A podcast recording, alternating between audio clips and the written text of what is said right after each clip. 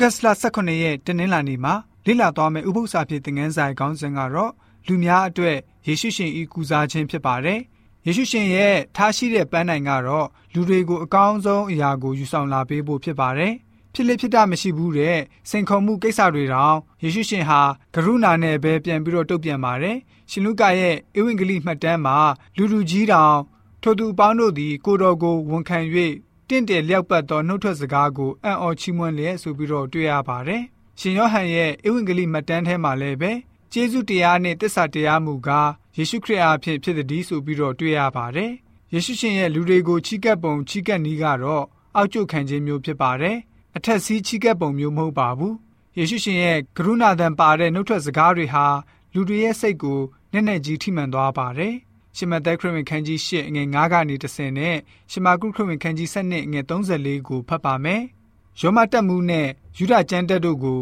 ယေရှုဟာမျောလင့်ချင်းစိတ်နဲ့ပြည့်ဝစေဖို့ဘယ်လိုမျိုးသောစကားကိုပြောခဲ့လဲဆိုတာကိုကြည့်ကြပါစို့။ထို့နောက်မှကပရနောင်မြို့သို့ကြွဝင်တော်မူလင်တက်မှုတယောက်သည်အထံတော်သို့လာ၍သခင်ကျွန်တော်ဤငယ်သားတယောက်သည်လက်ချေသေးသည့်အနာနှင့်ပြင်းစွာခံရ၍အိမ်တွင်တုံးလုံးနေပါသည်ဟုတောင်းပန်လေ၏ ယေရှုကလည်းငါလာ၍ချမ်းသာပေးမည်ဟုမိန့်တော်မူလင်တမူးကသခင်ကျွန်တော်၏အိမ်မိုးအောက်သို့ကြွဝင်တော်မူခြင်းကျေးဇူးတော်ကိုကျွန်တော်မခံထိုက်ပါအမိန့်တော်တခွန်းရှိလင်ကျွန်တော်၏ငယ်သားသည်ချမ်းသာရပါလိမ့်မည်ဥပမာက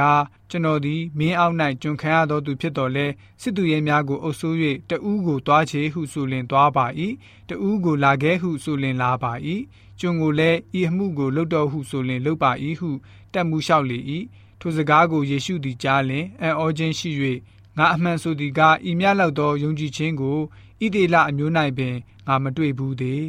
ထို့သောပညာတည်နှင့်ပြန်လျှောက်သည်ကိုယေရှုသည်သိမြင်လင်တင်းသည်ဖျားသခင်နိုင်ငံတော်နှင့်မဝေးဟုမိန့်တော်မူ၏နောက်တဖန်အဘယ်သူမျှမမေးမလျှောက်ဝန်းကြဆိုပြီးတော့ဖော်ပြထားပါတယ်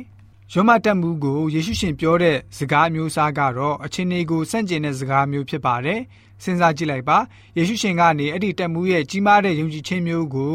ဣသေလအမျိုးမှာမတွေ့ရဘူးဆိုတဲ့အခါမှာအဲ့ဒီတက်မှုရဲ့စိတ်မှာဘယ်လိုမျိုးခံစားသွားရမလဲယူဒကျမ်းတက်ကိုပြောတဲ့စကားကိုကြည့်လိုက်တဲ့အခါမှာတော့သင်ဟာ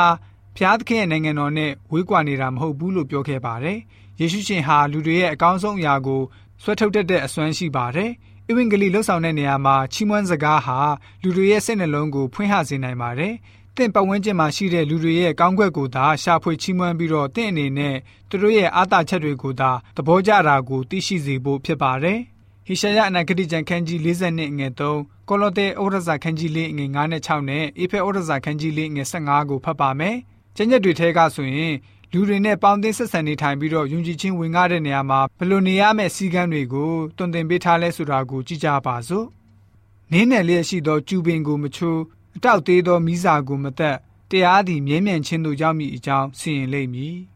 ပြင်ပလူတို့၏မျက်နာကိုထောက်လျက်ပညာနှင့်ကျင့်ဆောင်၍ကာလအချိန်ကိုရွေးနှုတ်ကြလော့လူအသီးသီးတို့အားအဘယ်သို့ပြန်ပြောရမည်ကိုသိနိုင်မည်အကြောင်းသင်တို့စကားသည်စားအားဖြင့်ငံသောအရာသာနှင့်ပြည့်စုံလျက်အစင်မပြတ် တင့်တယ်လျောက်ပတ်ပါစေ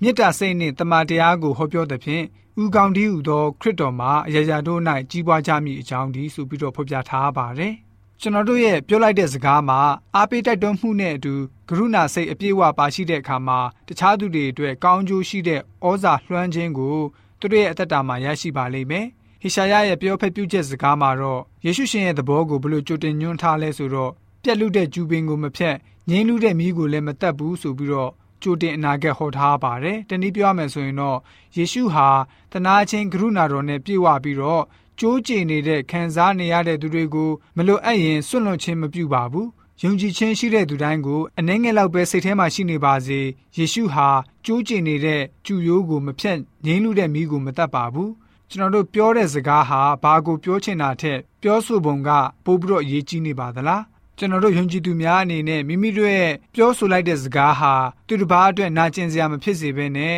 ယေရှုရှင်ရဲ့လှုပ်ဆောင်မှုပုံစံအတိုင်းပဲတပားသူများကိုကရုဏာထားတဲ့ယုံကြည်သူတွေဖြစ်စေဖို့အတွက်တနင်္လာနေ့ဥပုသ္စာဖြစ်တဲ့ငန်းစာကဖော်ပြထားပါတယ်။